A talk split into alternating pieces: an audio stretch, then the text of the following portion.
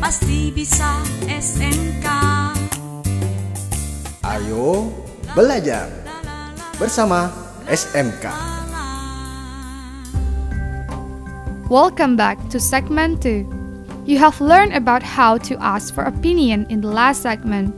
Now, you will learn how answer it. This will be more interesting. Let's listen. Here is the conversation between Mr. Sandy and Miss Karina.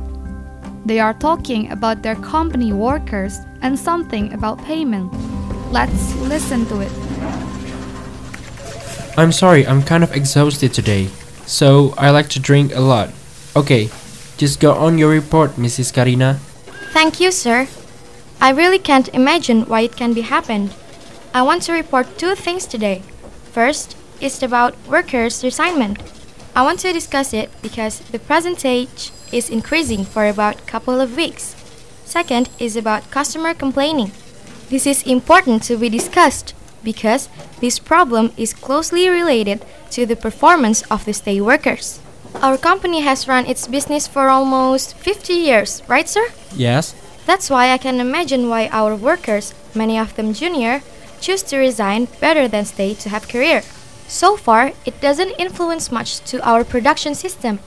But if we can't get any solution as soon as possible, it will stop our business soon. I need some help to find the solution of this problem. Well, what do you think, everybody?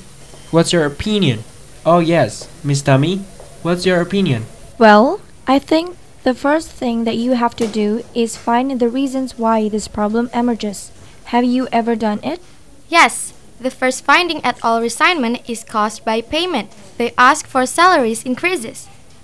I can't give any decision myself upon this. How do you reckon this, sir? As far as I'm concerned, they deserve to get the increases a long time ago. But we have to talk about this intensively based on all the report from the management team. That's right, sir. I agree with you. What about you, Miss Tammy? Oh, yeah. Personally, I think I agree with you and Mr. Sandy. We cannot make the decision on our own. We have to have a deal from the board considering many aspects of our company's condition. Hopefully, all employees, including us, get the increase. Is that possible, Mr. Sandy? Hmm, we hope so. Audience, have you got the idea from the dialogue? Well, if you got what the dialogue is about, you will be able to answer this question. 1. Which part of the report do they discuss? Yes, they discuss about workers' resignment. What don't they discuss? I think they don't discuss about customer complaining. 2. What are the reasons the line manager give for the two problems? Nice. You've tried. The reason of the resignment workers is possibly because of the payment or salary is low, while for the customer complaining is possibly because of the low performance of the stay workers.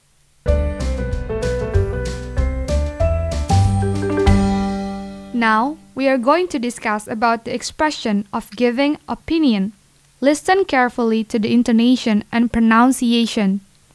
Remember, their meaning are almost as the same, so you can choose which one is suitable for the situation.